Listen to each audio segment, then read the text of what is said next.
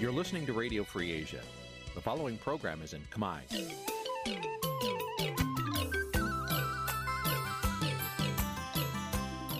នេះជាកម្មវិធីផ្សាយ Vuthu Azizi Serai នេះជាកម្មវិធីផ្សាយរបស់ Vuthu Azizi Serai ជាភាសាខ្មែរ Vuthu Azizi Serai សូមស្វាគមន៍លោកអ្នកនាងទាំងអស់ពីរដ្ឋធានី Washington នៃសហរដ្ឋអាមេរិក ពីរដ្ឋធានី Washington នាងខ្ញុំសុកជីវីសូមជម្រាបសួរ លោកអ្នកនាងកញ្ញាដែលកំពុងតាមដានការផ្សាយរបស់ Vuthu Azizi Serai ទាំងអស់ជាទីមេត្រីយើងខ្ញុំសូមជូនការផ្សាយសម្រាប់ព្រឹកថ្ងៃពុទ្ធ100ខែផុតត្របុត្រដែលជាថ្ងៃដំបូងនៃពិធីកាន់បិណ្ឌឆ្នាំឆ្លូវត្រីស័កពុទ្ធសករាជ2565ចាប់ត្រូវនៅថ្ងៃទី22ខែកញ្ញា គ្រិស្តសករាជ2021ចាជាដំបូងនេះសូមអញ្ជើញលោកអ្នកនាងស្ដាប់ព័ត៌មានប្រចាំថ្ងៃដែលមានមេត្តាដូចតទៅ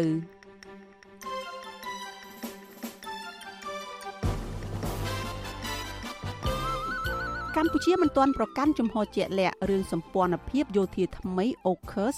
របស់អាមេរិកដើម្បីទប់ទល់នឹងចិនកម្ពុជាបន្តជាប់ចំណាត់ថ្នាក់ជាប្រទេសដែលមានសេរីភាពអ៊ីនធឺណិតតិចតួចនៅក្នុងសន្ទុះឆ្នាំ2021របស់អង្គការឃ្លាំមើលសេរីភាពពិភពលោកលោកសំរងស៊ីថាកម្ពុជាមានច្បាប់ការពារនាយករដ្ឋមន្ត្រីទើបធ្វើឲ្យលោកហ៊ុនសែនឈប់ភ័យខ្លាចពេលអស់ពីអំណាច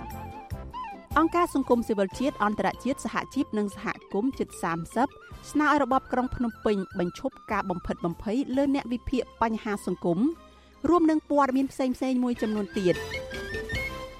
ចាជាបន្តទៅទៀតនេះនាងខ្ញុំសុជីវីសូមជូនព័ត៌មានពិស្ដាលោកអ្នកនាងជាទីមេត្រីរដ្ឋាភិបាលកម្ពុជាគិតមកដល់ពេលនេះនៅមិនទាន់ប្រកាសជំហរជាក់លាក់ណាមួយនៅឡើយទេជុំវិញរឿងសម្ព័ន្ធភាពយោធាថ្មី ដែលសហរដ្ឋអាមេរិកទើបបង្កើតឡើងជាមួយនឹងចក្រភពអង់គ្លេសនិងប្រទេសអូស្ត្រាលីអ្នកជំនាញកិច្ចការបរទេសថាកម្ពុជានិងប្រទេសសមាជិកអាស៊ាន គួរតែប្រកាន់ជំហរអព្យាក្រឹតជុំវិញបញ្ហានេះហើយសម្ដែងការរីករាយចំពោះសម្ព័ន្ធភាពយោធាថ្មីនេះដើម្បីរក្សាតុល្យភាពកុំឲ្យផ្អៀងខ្លាំងដោយសារតែឥទ្ធិពលរបស់ប្រទេសចិនចាលោកមានរិទ្ធរាយការណ៍ព័ត៌មាននេះគិតរហូតមកទល់ពេលនេះមានរយៈពេលជិតមួយសប្តាហ៍ហើយ ដែលសហរដ្ឋអាមេរិកបានប្រកាសបង្កើតសម្ព័ន្ធភាពយោធាថ្មីមួយជាលក្ខណៈត្រីភាគីជាមួយសម្ព័ន្ធមិត្តរបស់ខ្លួនរួមមានចក្រភពអង់គ្លេសនិងប្រទេសអូស្ត្រាលីដោយដាក់ឈ្មោះថាសម្ព័ន្ធភាព AUKUS ការបង្កើតសម្ព័ន្ធភាពយោធាត្រីភាគីថ្មីនេះត្រូវប្រទេសលោកស្រីទាំង3នេះសាទរថាជាប្រវត្តិសាស្ត្រថ្មីមួយ ក្រុមអ្នកជំនាញមើលឃើញថាសម្ព័ន្ធភាពនេះគឺធ្វើឡើងដើម្បីទប់ទល់ទៅនឹងឥទ្ធិពលរបស់ប្រទេសចិនដែលកំពុងតែកើនឡើងខ្លាំងនៅក្នុងតំបន់ Indo-Pacific ជាពិសេសនៅតំបន់ចំនួនដណ្ដើមប្រជុំកោះនៅសមុទ្រចិនខាងត្បូងរដ្ឋាភិបាលកម្ពុជារបស់លោកនាយរដ្ឋមន្ត្រីហ៊ុនសែនហាក់បង្ហាញភាពស្ងៀមស្ងាត់ជុំវិញបញ្ហានេះនៅឡើយបើទោះបីជាកន្លងមករដ្ឋាភិបាលតែងប្រកាន់ចំហលំអៀងខ្លាំងទៅរកប្រទេសចិនយ៉ាងណាក៏ដោយទាំងនៅថ្នាក់ជាតិថ្នាក់តំបន់និងថ្នាក់អន្តរជាតិ កម្ពុជាតែងទទួលរងការរិះគន់ថាតែងតែដើរតាមការគូវាសនិងខ្សែបន្ទាត់គោលនយោបាយការបរទេសរបស់ប្រទេសចិនកុម្មុយនីវិសុវអេស៊ីស្រីមិនអាចតាក់ទងแนะនាំពាក្យរដ្ឋាភិបាលលោកផៃស៊ីផានដើម្បីបញ្ជាក់ជំហរជុំវិញបញ្ហានេះបាននៅឡើយទេគិតត្រឹមល្ងាចថ្ងៃទី21ខែកញ្ញាដោយសារតែលោកមិនលើកទូរស័ព្ទ យ៉ាងណាអ្នកនាំពាក្យក្រសួងការបរទេសលោកកុយគួងបញ្ជាក់ប្រាប់វិសុវស៊ីស្រីយ៉ាងខ្លីតាមបណ្ដាញសង្គម Telegram ថាកម្ពុជានៅមិនទាន់ប្រកាន់ជំហរអ្វីនៅឡើយទេទាក់ទងទៅនឹងបញ្ហានេះកាលពីថ្ងៃទី16ខែកញ្ញាក្រុមមេដឹកនាំនៃប្រទេសសម្ព័ន្ធមិត្តទាំង3គឺសហរដ្ឋអាមេរិកចក្រភពអង់គ្លេសនិងប្រទេសអូស្ត្រាលីបានប្រកាសអំពីការបង្កើតសម្ព័ន្ធភាពយោធាត្រីភាគីឈ្មោះ AUKUS នេះ តាមរយៈសម្ព័ន្ធភាពយោធានេះសហរដ្ឋអាមេរិកនិងចក្រភពអង់គ្លេសនឹងផ្ដល់ឲ្យប្រទេសអូស្ត្រាលីនៅបច្ចេកវិទ្យាដើម្បីឲ្យឲ្យប្រទេសនេះសាងសង់នាវាមុជទឹកដើរដោយធម្មពលនុយក្លេអ៊ែរជាលើកដំបូងដោយខ្លួនឯងបាន ភ្លាមភ្លាមក្រោយការប្រកាសនេះប្រទេសចិនបានថ្កោលទោសការបង្កើតសម្ព័ន្ធភាពយោធានេះដោយចោទថានេះគឺជាទង្វើខ្វះការទទួលខុសត្រូវខ្ពស់បំផុតហើយថាហេតុការណ៍នេះនឹងបង្កឲ្យប៉ះពាល់ធ្ងន់ធ្ងរដល់សន្តិភាពនិងស្ថិរភាពក្នុងតំបន់ព្រមទាំងបង្កើនឲ្យមានការប្រកួតប្រជែងសពាវុធនៅប្រមាណថ្ងៃមុនការប្រកាសបង្កើតសម្ព័ន្ធភាពយោធាត្រីភាគីរបស់សហរដ្ឋអាមេរិកនេះ រដ្ឋមន្ត្រីការបរទេសចិនលោកវ៉ាងយីបានមកធ្វើទស្សនកិច្ចនៅប្រទេសចំនួន4នៅក្នុងតំបន់រួមមានប្រទេសវៀតណាមកម្ពុជា សិង្ហបុរីនិងប្រទេសកូរ៉េខាងត្បូង ដំណើរទស្សនកិច្ចនេះត្រូវគេមើលឃើញថាដើម្បីពង្រឹងនៅទំនាក់ទំនងឲ្យកាន់តែស៊ីជម្រៅរវាងប្រទេសចិនជាមួយប្រទេសក្នុងតំបន់ស្របពេលដែលសហរដ្ឋអាមេរិកបដិញ្ញាបង្កើនភាពជាប់ពាក់ព័ន្ធរបស់ខ្លួនទៅក្នុងតំបន់អាស៊ីអាគ្នេយ៍និងប្រកាសឲ្យប្រទេសសមាជិកអាស៊ានរួមគ្នាជាមួយសហរដ្ឋអាមេរិកដើម្បីទប់ទល់ទៅនឹងឥទ្ធិពលរបស់ចិនអ្នកជំនាញកិច្ចការអន្តរជាតិនិងជានាយកវិទ្យាស្ថានចក្ខុវិស័យអាស៊ីហៅកាត់ថា AVI បណ្ឌិតឈៀងវណ្ណរិទ្ធ បង្ហាញក្តីបារម្ភថាការបង្កើតសម្ព័ន្ធភាពយោធាត្រីភាគីនេះអាចបង្កើតឲ្យមាននឹងការប្រកួតប្រជែងផ្នែកសពាវុធរវាងប្រទេសលោកខាងលិចជាមួយនឹងប្រទេសចិនហើយអាចជំរុញឲ្យពិភពលោកធ្លាក់ចូលទៅក្នុងសង្គ្រាមត្រជាក់សាជាថ្មីបានលោកថាប្រទេសក្នុងតំបន់អាស៊ាន រួមទាំងកម្ពុជាផងនឹងទទួលរងនៅឥទ្ធិពលពីបញ្ហានេះ និយាយតាមតំបន់អាស៊ីអាគ្នេយ៍យើងវាជាចំណងជាឆាកមួយហើយដើម្បីគេលេងលបែងនយោបាយគូប្រជែងគ្នាបែរយើងក៏ទៅក្នុងដំណាំហ្នឹងដែរវាទាំងទាំងអស់គ្នានិយាយចំអាស៊ីអាគ្នេយ៍អញ្ចឹងអ្វីដែលយើងអាចមិនបញ្ជិះបានវាប្រជិះវាបានប៉ុន្តែវាកាត់បន្ថយហានិភ័យតាមរយៈជំរុញទូអង្គរបស់អាស៊ានហ្នឹងចឹងទូអង្គអាស៊ានជាជាចំជាក្តីសង្ឃឹមមួយសំខាន់ដើម្បីបណ្ដាប្រទេសតែជាសមាជិកនឹងអាចកាត់បន្ថយហានិភ័ យយ៉ាងណាក៏ដោយការព្រួយបារម្ភនេះត្រូវអ្នកជំនាញកិច្ចការអន្តរជាតិមួយរូបទៀតមើលឃើញផ្ទុយពីនេះអ្នកជំនាញកិច្ចការអន្តរជាតិនិងជាសាស្ត្រាចារ្យនៅសាកលវិទ្យាល័យ Arizona State University នៃសហរដ្ឋអាមេរិកបណ្ឌិតអៀសុផលយល់ថាកម្ពុជានិងតំបន់អាស៊ាន គួរប្រកាន់នៅជំហរជាភាគីអព្យាក្រឹតហើយគួរតែសម្ដែងនៅក្តីរីករាយចំពោះការបង្កើតសម្ព័ន្ធភាពយោធាត្រីភាគីរបស់សហរដ្ឋអាមេរិក ចក្រភពអង់គ្លេសនិងប្រទេសអូស្ត្រាលីនេះដើម្បីធ្វើឲ្យមានតុល្យភាពជាមួយនឹងឥទ្ធិពលរបស់ប្រទេសចិនដែលកាន់តែកើនឡើងខ្លាំងមកលើតំបន់នេះនិងជាពិសេសមកលើកម្ពុជាអ្នកជំនាញរូបនេះពន្យល់ថាការប្រតិបត្តិនាវាមួយទឹកដើរដោយធម្មពលនុយក្លេអ៊ែរនៅក្នុងតំបន់ Indo-Pacific នេះមានន័យថាប្រទេសចិនមិនអាចប្រព្រឹត្តអាក្រក់មកលើប្រទេសដទៃទៀតនៅក្នុងតំបន់តាមអំពើចិត្តដោយដែលខ្លួនធ្លាប់បានធ្វើកាលពីពេលអតីតកាលនោះទេ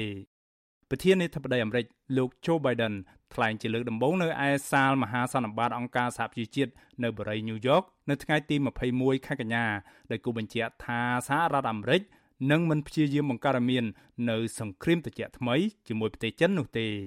លោកអំពាវនាវឲ្យប្រទេសជាសម្ព័ន្ធមិត្តចាត់វិធានការឲ្យបានឆាប់រហ័សដើម្បីរួមគ្នាដោះស្រាយបញ្ហានៃជំងឺរាតត្បាតសកល COVID-19 ការប្រែប្រួលអាកាសធាតុនិងអំពើរំលោភសិទ្ធិមនុស្ស លោកបានថែមថាសហរដ្ឋអាមេរិកកំពុងបើកឲ្យមានឡើងវិញនៅយុគសម័យថ្មីមួយដែលផ្ដោតលើទំនាក់ទំនងការទូតការប្រើប្រាស់អំណាចនៃជំនួយអភិវឌ្ឍរបស់ខ្លួននៅក្នុងការវិនិយោគតាមមធ្យោបាយថ្មីៗដើម្បីលើកកម្ពស់ប្រជាជននៅទូទាំងពិភពលោក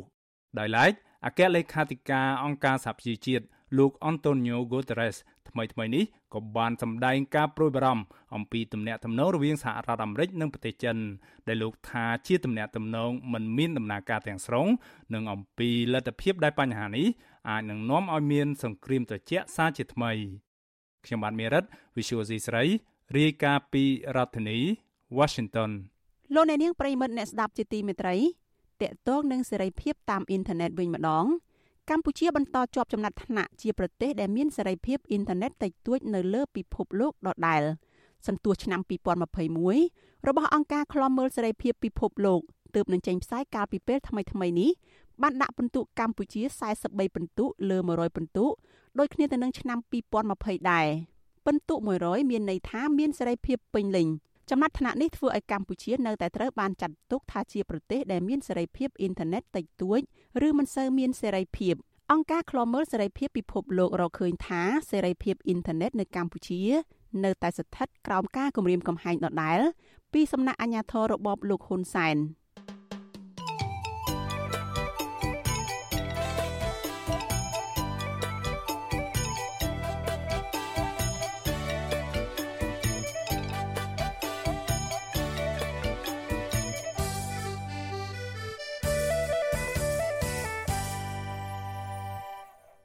លោកអ្នកនាងកំពុងតាមដានការផ្សាយរបស់ Vithu Azizi Serai ផ្សាយចេញពីរដ្ឋធានី Washington សហរដ្ឋអាមេរិក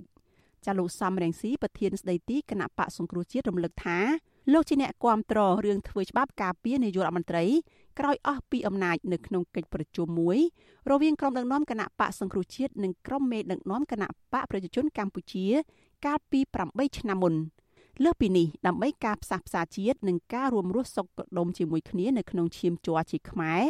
លោកសាមរងស៊ីថាលោកសុកចិត្តយល់ព្រមឲ្យកូនលោកហ៊ុនសែនគ្រប់គ្រងកងទ័ពទៀតផង ដើម្បីធានាថាលោកហ៊ុនសែនរស់នៅដោយគ្មានការភ័យខ្លាចក្រោយពេលដែលលោកអស់អំណាចទៅចាលោកអ្នកនាងនៅបានស្ដាប់សេចក្តីរាយការណ៍នេះពិស្ដានៅក្នុងការផ្សាយរបស់យើងនៅពេលបន្តិចទៀតនេះ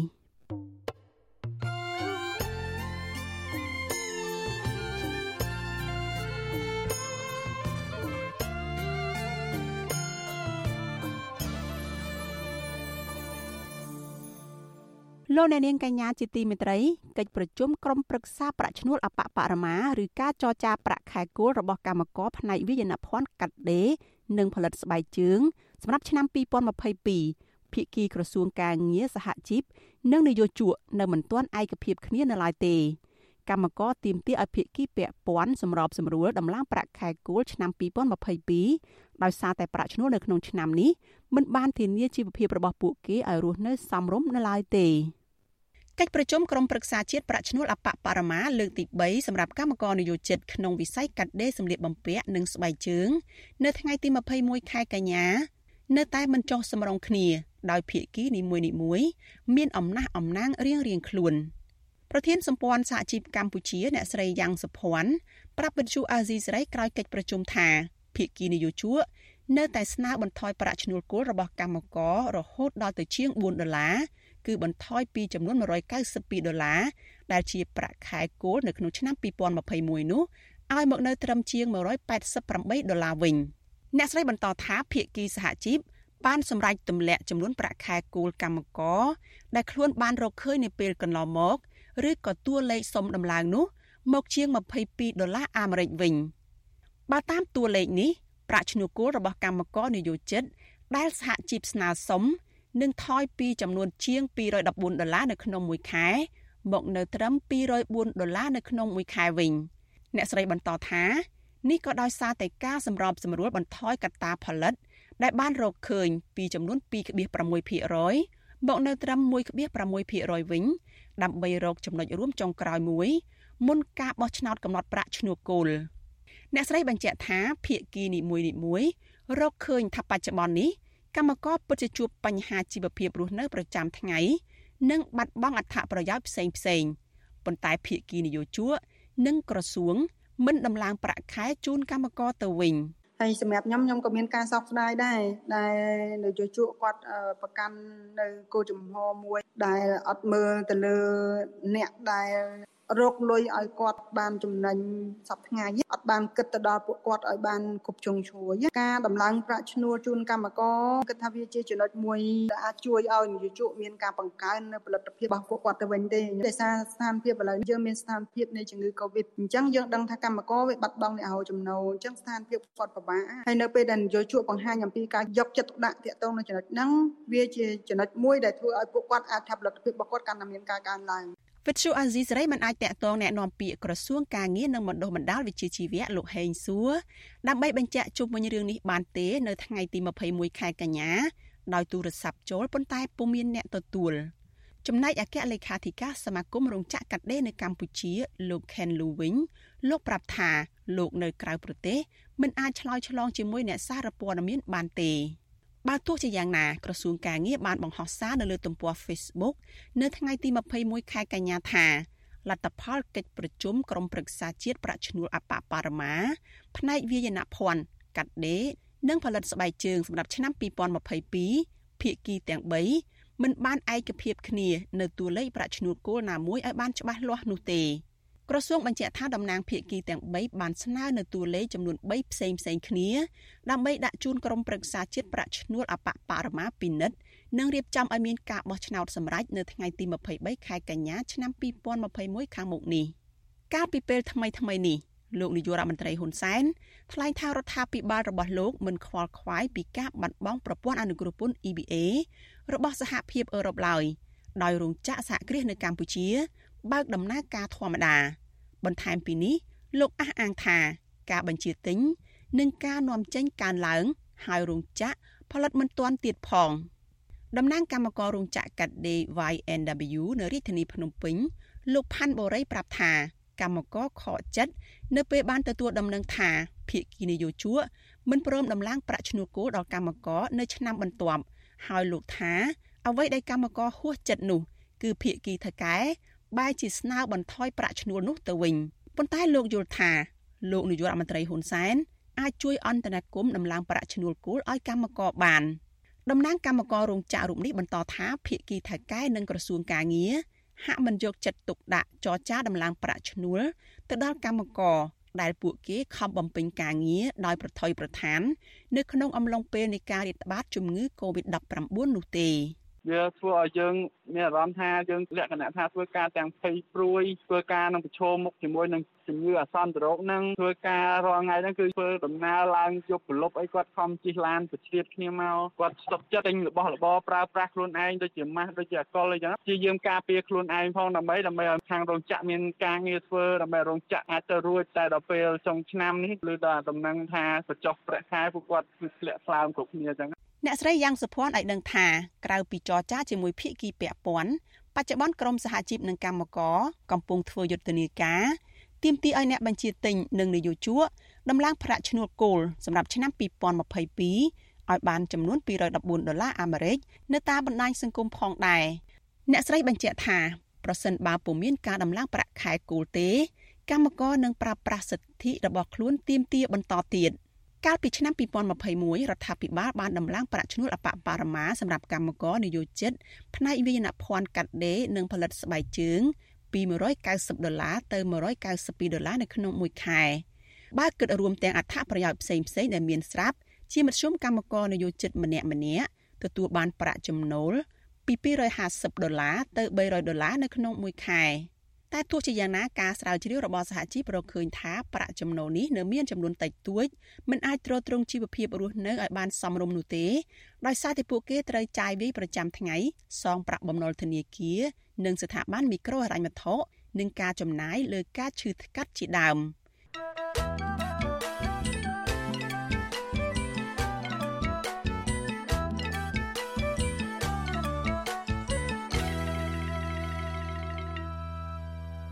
លោកអ្នកនាងកញ្ញាជាទីមេត្រីសេចក្តីរាយការណ៍ដាច់ដライមួយទៀតអង្គការសង្គមស៊ីវិលជាតិអន្តរជាតិសហជីពនិងសហគមន៍ជិត30កាលពីថ្ងៃទី21ខែកញ្ញាអំពាវនាវឲ្យរបបក្រុងភ្នំពេញ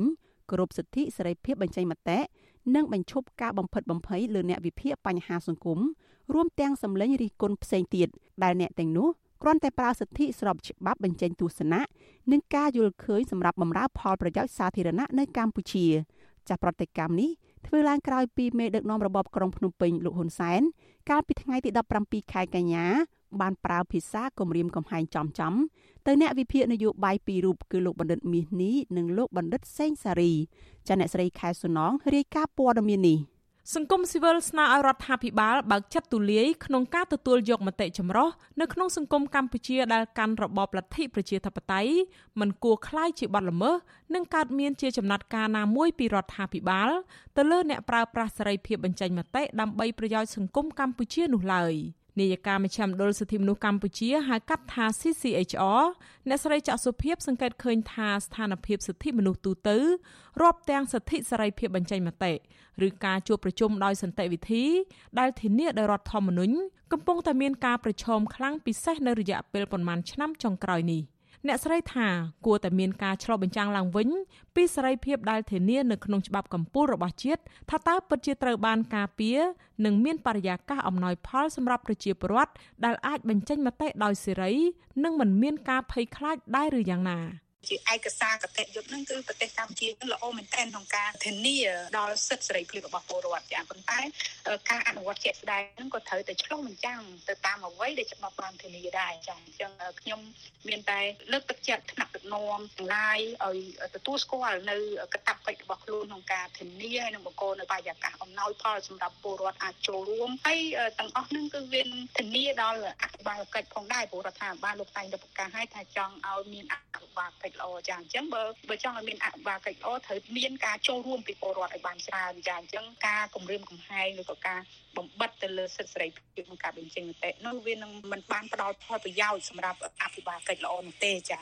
ការលើកឡើងនេះនៅគ្រាដែលក្រុមអង្គការសង្គមស៊ីវិលជាតិអន្តរជាតិសហជីពនិងសហគមន៍ជិត30នៅថ្ងៃទី21ខែកញ្ញា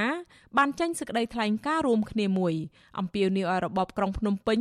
គ្រប់សិទ្ធិសេរីភាពបញ្ចេញមតិនិងបញ្ឈប់ការបំផិតបំភ័យទៅលើអ្នកវិភាគបញ្ហាសង្គមរួមទាំងសម្លេងរិះគន់ផ្សេងទៀតដោយគ្រាន់តែអ្នកទាំងនោះបញ្ចេញទស្សនៈនិងការយល់ឃើញសម្រាប់ផលប្រយោជន៍សាធារណៈនៅកម្ពុជា។ ពទ្យុអេស៊ីសរ៉ៃមិនអាចសុំការឆ្លើយតបពីអ្នកនាំពាក្យរដ្ឋាភិបាលលោកផៃស៊ីផានជុំវិញបញ្ហានេះបានទេដោយទូរស័ព្ទចូលតែគ្មានអ្នកទទួលនៅថ្ងៃទី21កញ្ញា ទោះជាយ៉ាងណាសេចក្តីថ្លែងការណ៍រួមរបស់ក្រុមអង្គការសង្គមស៊ីវិលធ្វើឡើងក្រោយពីលោកហ៊ុនសែនបានប្រកាសនៅលើទំព័រ Facebook កាលពីថ្ងៃទី20ខែកញ្ញាផ្លាស់ប្តូរចិត្តស្នើដល់ស្ថាប័នតុលាការឲ្យពិនិត្យពិចារណាបញ្ចប់ដីកាចាប់ខ្លួនបណ្ឌិតសេងសេរីដោយលោកអះអាងថាការបកស្រាយពន្យល់របស់បណ្ឌិតសេងសេរីនៅលើបណ្ដាញសារព័ត៌មានកន្លងមក គឺសមហេតុផលនិងអាចទទួលយកបានព្រោះថាជាការវិភាគបែបសេណារីយ៉ូមិនមែនជាការគ្រប់គ្រងគំនិតផ្ដួចផ្ដើមបង្កើតរដ្ឋាភិបាលបង្រួបបង្រួមជាតិដែលប្រកាសដោយលោកសំរងស៊ីនោះទេមួយថ្ងៃក្រោយការប្រកាសរបស់លោកហ៊ុនសែននេះសាលាដំបងរាជធានីភ្នំពេញបានចេញដីកាបញ្ឈប់ឲ្យតាមចាប់ខ្លួនបណ្ឌិតសេងសេរីភ្លាម ដីកាចុះថ្ងៃទី21ខែកញ្ញាដោយចៅក្រមស៊ើបសួរលោកញឹមពិសាល បង្គាប់ឲ្យកម្លាំងសមត្ថកិច្ចបញ្ឈប់ការតាមចាប់ខ្លួនបណ្ឌិតសេងសេរីដោយបញ្ជាក់ថាជនត្រូវចោទរូបនេះទទួលបានការសម្រេចលើកលែងការចោទប្រកាន់ពីបទរួមគំនិតក្បត់ និងញុះញង់បង្កឲ្យមានភាពវឹកវរធ្ងន់ធ្ងរដល់សន្តិសុខសង្គម។ កាលពីថ្ងៃទី17ខែកញ្ញាលោកហ៊ុនសែនបានគម្រាមកំហែងចាប់ខ្លួននិងបាញ់សម្លាប់អ្នកវិភាគនយោបាយចំចំឈ្មោះពីររូបគឺបណ្ឌិតមាសនេះដែលបានអត្ថាធិប្បាយទៅលើគោលនយោបាយការបរទេសកម្ពុជាជាមួយប្រទេសចិនរីឯបណ្ឌិតសេងសេរីត្រូវបានលោកហ៊ុនសែនចោទថាគាំទ្រចលនាឧទាមប្រកាសតាមចាប់ខ្លួននិងបាញ់សម្លាប់ ដោយព្រោះបានបង្ហោះទស្សនវិភាគនៅលើបណ្ដាញសង្គម Facebook អំពីលក្ខខណ្ឌ6ចំណុចដែលអាចបង្កើតរដ្ឋាភិបាលបង្រួបបង្រួមជាតិតាមការអំពាវនាវរបស់លោកសំរងស៊ីប៉ុន្តែអ្នកវិភាគនិងពលរដ្ឋមួយចំនួនដាក់ការសង្ស័យចំពោះការបន្ទន់អេរយាប័តរបស់លោកហ៊ុនសែននេះថាជាគុណធម៌คล้ายៗ អ្នកស្រាវជ្រាវការអភិវឌ្ឍសង្គមបណ្ឌិតសេងសារីកំពុងស្នាក់នៅប្រទេសថៃថ្លែងថានៅពេលលោកបានឃើញលិខិតបញ្ឈប់ការតាមចាប់ខ្លួនលោកភ្លាមលោកមានអារម្មណ៍ថាមានសេរីភាពពេញលេញឡើងវិញនិងអាចបន្តការងារក្នុងនាមជាអ្នកវិភាគដោយសេរីឈរលើគោលការណ៍វិទ្យាសាស្ត្រត្រឹមត្រូវរីឯក្រុមគ្រួសាររបស់លោក មានចិត្តសប្បាយរីករាយឡើងវិញ ការប្រជុំនៃការមួយនេះវាធ្វើឲ្យខ្ញុំធូរចិត្តច្រើនបញ្ហាដែលកំពុងតែកើតឡើងមួយនេះវាคล้ายទៅជាមេរៀនមួយដែលខ្ញុំនឹងមានការប្រុងប្រយ័ត្នហើយប្រុងប្រយ័ត្ននេះមិនមែនប្រុងប្រយ័ត្ននៅក្នុងការប្រើប្រាស់សំណេរទេគឺប្រុងប្រយ័ត្ននៅក្នុងការប្រើប្រាស់ពាក្យប្រុងប្រយ័ត្ននៅក្នុងការប្រើប្រាស់ឃ្លាឃ្លោងដែលអាចឈានទៅដល់ការយល់ច្រឡំដូច្នេះខ្ញុំនៅតែរក្សាសំណេររិះគន់ចូលរួមចំណែកដោះស្រាយបញ្ហាសង្គមនយោបាយនៅកម្ពុជាដដែលក៏ប៉ុន្តែ ខ្ញុំនឹងមានការពិនិត្យពិច័យច្បាស់លាស់ជាងមុនទៅលើពាក្យពេចន៍ដែលខ្ញុំប្រើបាទអ្នកស្រាវជ្រាវការអភិវឌ្ឍសង្គមបណ្ឌិតមាសនេះដែលរងការគំរាមពីលោកហ៊ុនសែនដែរនោះមានទស្សនៈថាតាមបទពិសោធន៍នៅក្នុងប្រទេសកម្ពុជាកន្លងមកលោកមានហេតុផលគ្រប់គ្រាន់ក្នុងការភ័យខ្លាចនិងបារម្ភពីសុវត្ថិភាពនៅពេលនេះដែលធ្វើឲ្យលោកត្រូវតែរឹតបន្តឹងខ្លួនឯងក្នុងការសម្ដែងមតិតែយ៉ាងណាបណ្ឌិតមាសនេះទទួលស្គាល់ថាការនិយាយរបស់លោក มันអាចត្រូវចិត្តមនុស្សគ្រប់និន្នាការទាំងអស់នោះឡើយជាទស្សនវិជ្ជាទូទៅយើងមើលពីជ្រុងនៃចិត្តសាស្ត្រទោះបីជាគេមិនប្រាប់ថានឹងវាជាការបំបត្តិសិទ្ធិសេរីភាពប៉ុន្តែយើងដែលជាអ្នកជនរងគ្រោះនោះក៏ត្រូវតែយល់ខ្លួនឯងហើយពេលខ្លះយើងក៏ត្រូវបង្ខំចិត្តដើម្បីបំបត្តិនៅបន្ថយនៅការនិយាយរបស់យើងណាខ្ញុំអាចយកទីហោថាប្រមាណថាបើរឿងហ្នឹងវាពិតដល់ទៅ10យើងអាចនិយាយបានត្រឹមតែ2 3ប៉ុណ្ណឹងបាទអញ្ចឹងអាការពិត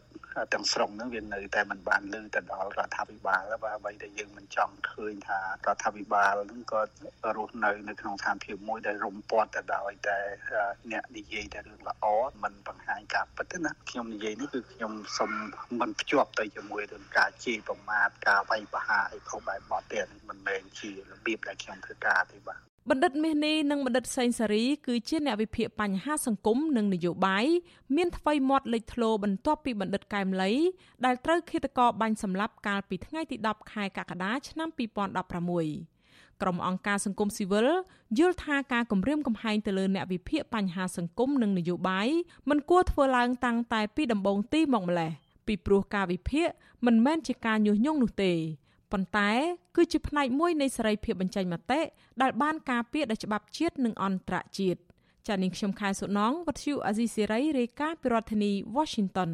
លោកនាងកញ្ញាកំពុងតាមដានការផ្សាយរបស់ Vithu Azizi Serai ជាទីមេត្រី មន្ត្រីគណៈបកប្រឆាំងប្រាប់ឲ្យមេដឹកនាំរបបក្រុងភ្នំពេញងាកមកស្ដារប្រជាធិបតេយ្យនិងគោរពសិទ្ធិមនុស្សឡើងវិញក្នុងទិវាសន្តិភាពពិភពលោកកាលពីថ្ងៃទី21ខែកញ្ញាអ្នកវិភាគថាលុះត្រាតែពលរដ្ឋអាចប្រើសិទ្ធិអំណាចដោយសេរីស្របតាមកិច្ចព្រមព្រៀងសន្តិភាពទីក្រុងប៉ារីទើបកម្ពុជាមានសន្តិភាពពិតប្រាកដចាលោកសេបណ្ឌិតរាយការណ៍ព័ត៌មាននេះតំណាងរាជគណៈបកប្រឆាំងចោតប្រកាន់លោកនាយករដ្ឋមន្ត្រីហ៊ុនសែន ថាជាមនុស្សមិនយល់ពីពាក្យសន្តិភាព ថ្លែងពីប្រទេសអូស្ត្រាលី លោកងឹមញែងអះអាងថាមូលហេតុដែលកម្ពុជាមិនអាចមានសន្តិភាពបានព្រោះរបបក្រុងភ្នំពេញ បានបំផ្លាញលទ្ធិប្រជាធិបតេយ្យបំពានច្បាប់ និងរំលោភសិទ្ធិមនុស្សលោកពន្យល់ថាសង្គមមួយអាចទទួលបានសន្តិភាពពិតប្រាកដតរតែប្រជាពលរដ្ឋរស់នៅដោយសុខសាន្តគ្មានការធ្វើទុកបុកម្នេញ និងគ្មានការជិះជាន់កេងប្រវ័ញ្ចជាដើម ចំណែកប្រជាពលរដ្ឋកម្ពុជាមិនមានសន្តិភាពទេ លោកងឹមញែងបន្តថាលោកហ៊ុនសែនគ្មានឆន្ទៈឲ្យកម្ពុជា មានសន្តិភាពនោះឡើយហើយលោកប្រើពាក្យសន្តិភាព ដើម្បីកេងចំណេញនយោបាយនិងបោកប្រាស់ប្រជាពលរដ្ឋឲ្យដឹងគុណលោកប៉ុណ្ណោះ គាត់ចង់បានសន្តិភាពคล้ายៗដើម្បីមានឱកាសគម្រាមកំហែងគៀបសង្កត់ប្រជាពលរដ្ឋដោយអ្វីដែលគាត់កំពុងតែធ្វើរាល់ថ្ងៃហ្នឹងឯងបើគាត់ចង់បានសន្តិភាពគឺគាត់ត្រូវរៀបចំប្រទេសព្រោះគាត់ជាមេដឹកនាំប្រទេសរាល់ថ្ងៃទោះបីជាបានមកដោយការប្លន់ប៉ុន្តែគាត់កំពុងតែគ្រប់គ្រងអំណាចអញ្ចឹងបើគាត់ចង់បានសន្តិភាពគឺគាត់ត្រូវរៀបចំធ្វើម៉េចឲ្យប្រជាពលរដ្ឋរស់នៅប្រកបទៅដោយភាពសុខដុមរមនាតែហ៊ុនសែនរាល់ថ្ងៃគឺគាត់អត់ចង់បានសន្តិភាពពិតប្រាកដទេគាត់គ្រាន់តែចង់បានពីសន្តិភាពคล้ายៗដែលចេញតែពីប្រមូលមាត់គាត់ ការលើកឡើងនេះក្នុងថ្ងៃទិវាសន្តិភាពពិភពលោក នៅថ្ងៃទី21ខែកញ្ញាជារៀងរាល់ឆ្នាំរដ្ឋាភិបាលមិនបានធ្វើពិធីនេះទេហើយនៅឆ្នាំនេះក៏ដូចគ្នាដែរតែមេដឹកនាំរបបឯកបកមួយនេះ បានផ្ញើសារលិខិតអបអរសាទរទិវាសន្តិភាពពិភពលោកអត្តន័យនៅក្នុងសារលិខិតនោះ លោកហ៊ុនសែនថាខ្លួនលោកគឺជាអ្នកនាំមកនៅសន្តិភាព និងមានការដាក់ចេញពាក្យស្លោកពាក់ព័ន្ធនឹងសន្តិភាពជាច្រើនទៀតមេដឹកនាំផ្ដាច់ការរូបនេះក៏មិនបំភ្លេចចំអកលក់លើយដោយប្រយោលឲ្យទៅប្រទេសមហាអំណាច ដែលទំនងជាចង់សម្ដៅទៅដល់សហរដ្ឋអាមេរិកនិងសហភាពអឺរ៉ុបដោយសារលោកលើកឡើងថាមហាអំណាចខ្លះនៅតែបន្តប្រើប្រាស់គ្រប់កលល្បិចគម្រាមកំហែងជ្រៀតជ្រែកចូលកិច្ចការផ្ទៃក្នុង និងប៉ះពាល់ដល់សន្តិភាពនៅកម្ពុជា តាមរយៈការអនុវត្តលទ្ធិប្រជាធិបតេយ្យនិងសិទ្ធិមនុស្សស្តង់ដារ2លោកហ៊ុនសែនបដិញ្ញាថានឹងមិនធ្វើតាមការអំពាវនាវឲ្យស្ដារលទ្ធិប្រជាធិបតេយ្យនិងគោរពសិទ្ធិមនុស្សនោះទេវិទ្យុអាស៊ីសេរីនៅមិនទាន់អាចសុំការបញ្ជាក់បន្ថែមពីអ្នកនាំពាក្យរដ្ឋាភិបាលលោកផៃស៊ីផាននិងអ្នកនាំពាក្យគណៈបកប្រជាជនកម្ពុជាលោកសុកអេសានបានទេ នៅថ្ងៃទី21ខែកញ្ញាអ្នកខ្លំមើលសង្គមសង្កេតឃើញថា សន្តិភាពប្រជាពិធនេះมันអាចបោកប្រាស់ប្រជាពលរដ្ឋបានទេ អ្នកវិភាគនយោបាយលោកកឹមសុខអះអាងថាលោកហ៊ុនសែនបានព្យាយាមបំផ្លាញខ្លឹមសារសន្តិភាពរបស់កិច្ចព្រមព្រៀងសន្តិភាពទីក្រុងប៉ារីសហើយមកបង្កើតពាក្យស្លោកសន្តិភាពដើម្បីជាលេសរក្សាអំណាច និងលើកដំកើងខ្លួនឯងលោកកឹមសុខបន្តថាខ្លឹមសារសន្តិភាពពិតប្រាកដគឺពលរដ្ឋត្រូវតែមានសិទ្ធិអំណាចមិនចាំបាច់ទៅដូរអធិបតេយ្យភាពជាមួយនឹងប្រទេសណាដើម្បីបានសន្តិភាពទេគឺកម្ពុជាគ្រាន់តែគោរពកិច្ចព្រមព្រៀងសន្តិភាពទីក្រុងប៉ារីដែលមានខ្លឹមសារការពារសិទ្ធិមនុស្សការពារសិទ្ធិរបស់ប្រជាពលរដ្ឋប្រជាធិបតេយ្យសេរីពហុបកហើយការសម្រេចនានាស្ថិតនៅលើប្រជាពលរដ្ឋដោយសេរីយុត្តិធម៌ត្រឹមត្រូវទៅគឺនាំសន្តិភាពមកដល់ប្រទេសកម្ពុជាដែលប្រជាពលរដ្ឋខ្មែរក៏អបអរសាទរហើយសហគមន៍អន្តរជាតិក៏អបអរសាទរ ចំណែកឯអគ្គរដ្ឋទូតសហរដ្ឋអាមេរិកប្រចាំនៅកម្ពុជាលោក Patrick Murphy បានបង្ហោះសារលើបណ្ដាញសង្គម Twitter ថាទិវាសន្តិភាពពិភពលោកនៅថ្ងៃទី21ខែកញ្ញាគឺជាឱកាសល្អសម្រាប់រំលឹកនៅកិច្ចព្រមព្រៀងសន្តិភាពទីក្រុងប៉ារីសឆ្នាំ1991លោកបន្តថាសហរដ្ឋអាមេរិកនៅតែបន្តជ្រោមជ្រែងដល់ពលរដ្ឋកម្ពុជា ដែលចង់បានសន្តិភាព និងលទ្ធិប្រជាធិបតេយ្យ ជារៀងរាល់ឆ្នាំ ក្រមប្រជាពលរដ្ឋនិងយុវជនមួយចំនួន តែងតែរងការបង្ក្រាបពីអាជ្ញាធរដោយសារតែជំនះប្រារព្ធទិវាសន្តិភាពពិភពលោកនៅទីក្រុងភ្នំពេញនៅឆ្នាំនេះពួកគេមិនបានប្រារព្ធទិវានេះទេក៏ប៉ុន្តែពួកគេបានបង្ហោះសារតាមបណ្ដាញសង្គម Facebook ថាអត្តន័យសន្តិភាពមិនមែនតលតែគ្មានសង្គ្រាមនោះទេ សង្គមសន្តិភាព ជាសង្គមមួយដែលគ្មានប្រជាពលរដ្ឋយំស្រែក តវ៉ារងគ្រោះដោយសារការគំរាមកំហែងការគៀបសង្កត់ ឬបំផិតបំភ័យពីអ្នកមានអំណាចពួកគេក៏សូមឧទ្ទិសទិវាសន្តិភាពពិភពលោកនៅឆ្នាំនេះឲ្យដោះលែងអ្នកជាប់ឃុំមនសិការនិងស្នើសុំឲ្យអ្នកនយោបាយត្រូវរើគ្នា ដើម្បីនាំមកនូវសន្តិភាពពិតប្រាកដជូនដល់ពលរដ្ឋពួកគាត់ក៏មិនចង់ឃើញសន្តិភាព មាននៅតែលើពាក្យស្លោកប៉ុណ្ណោះនោះទេខ្ញុំបាទសេកបណ្ឌិត វិទ្យុអាស៊ីសេរីពីរដ្ឋធានីវ៉ាស៊ីនតោនលោកអ្នកនាងជាទីមេត្រីប្រពន្ធសកម្មជនការពារព្រៃឈើម្នាក់ជាជនជាតិដើមភាគតិចទំពូនអំពាវនាវឲ្យតុលាការខេត្តរតនគិរីទម្លាក់ចោលបទចោទប្រកាន់លើលោកឆនផល្លានិងដោះលែងគាត់ឲ្យមានសេរីភាពមកវិញលោកស្រីបញ្ជាក់ថាតុលាការគួរតែផ្ដន្ទាទោសអ្នកដែលបំផ្លាញធនធានធម្មជាតិមិនគួរដាក់ទោសទណ្ឌឬក៏ធ្វើបាបទៅលើប្តីរបស់លោកស្រី ដែលបានការពារប្រយោជន៍ជាតិនោះទេ ចាសសូមស្ដាប់សេចក្តីរាយការណ៍របស់លោកទីនសការីយ៉ាអំពីរឿងនេះស្ត្រីជនជាតិដើមភាគតិចតំពួនរស់នៅភូមិសមុទ្រក្រោមឃុំសេដាស្រុកលំផាត់បង្ហាញពីភាពអយុត្តិធម៌នឹងការធ្វើទុកបុកម្នេញគ្រប់រូបភាពពីសំណាក់អាជ្ញាធរមូលដ្ឋានខេត្តរតនគិរីមកលើប្តីលោកស្រីដែលចេញមុខការពីប្រៃឈើប្តឹងក្រុមឈ្មួញនិងអាជ្ញាធរមួយចំនួនទៅតុលាការជាច្រើនករណីប្រពន្ធលោកឈុនផល្លាគឺលោកស្រីហាំស្លុងអះអាងថាប្តីលោកស្រី មិនបានប្រព្រឹត្តកំហុសដោយការចោទប្រកាន់របស់តុលាការនោះទេ ហើយការចាប់ខ្លួននេះគឺជារឿងអយុត្តិធម៌និងធ្វើបាបគ្រួសារលោកស្រីលោកស្រីបន្ថែមថាលោកឆាន់ផល្លាទើបតែមករស់នៅក្នុងភូមិជាថ្មីទៀតនៅអំឡុងខែមីនាឆ្នាំ2021ព្រោះជាច្រើនខែកន្លងទៅ លោកបានភៀសខ្លួនទៅរស់នៅខេត្តកំពង់ចាមដោយសារអាជ្ញាធរមូលដ្ឋានខេត្តនេះ បានគៀកោបរដ្ឋជាច្រើនអ្នកព្រួតគ្នាវាយដំលើប្តីលោកស្រី បង្ខំឲ្យដកពាក្យបណ្ដឹង បណ្ដាលឲ្យបាក់ចឹងជំនីមួយស្ត្រីវ័យ37ឆ្នាំរូបនេះរៀបរាប់ថាអាញាធរបានចាប់ខ្លួនប្តីលោកស្រីនិងបង្កឲ្យប៉ះពាល់ដល់ជីវភាពគ្រួសារកាន់តែយ៉ាប់យ៉ឺនពីព្រោះគ្រួសារពឹងផ្អែកលើប្តីទាំងស្រុងជាពិសេសត្រូវចិញ្ចឹមកូនកូន3នាក់ដែលកំពុងតែសិក្សា កូនក៏ទូចទូចនឹងអត់មានពីណានឹងរងចាំខ្ញុំបងអើយខ្ញុំលំបាកវេទនាមែនទែនហ្មងតាំងពីឆ្នាំទៅហើយខ្ញុំធ្វើអីក៏អត់បានដែរខ្ញុំនឹងអត់បានរកស៊ីអីទេបងក្រកំសត់មែនទែនហ្មងឥឡូវខ្ញុំចាយខ្ញុំស្នំពោឲ្យលោកតឡាសាគាត់ជួយដោះលែងប្តីខ្ញុំ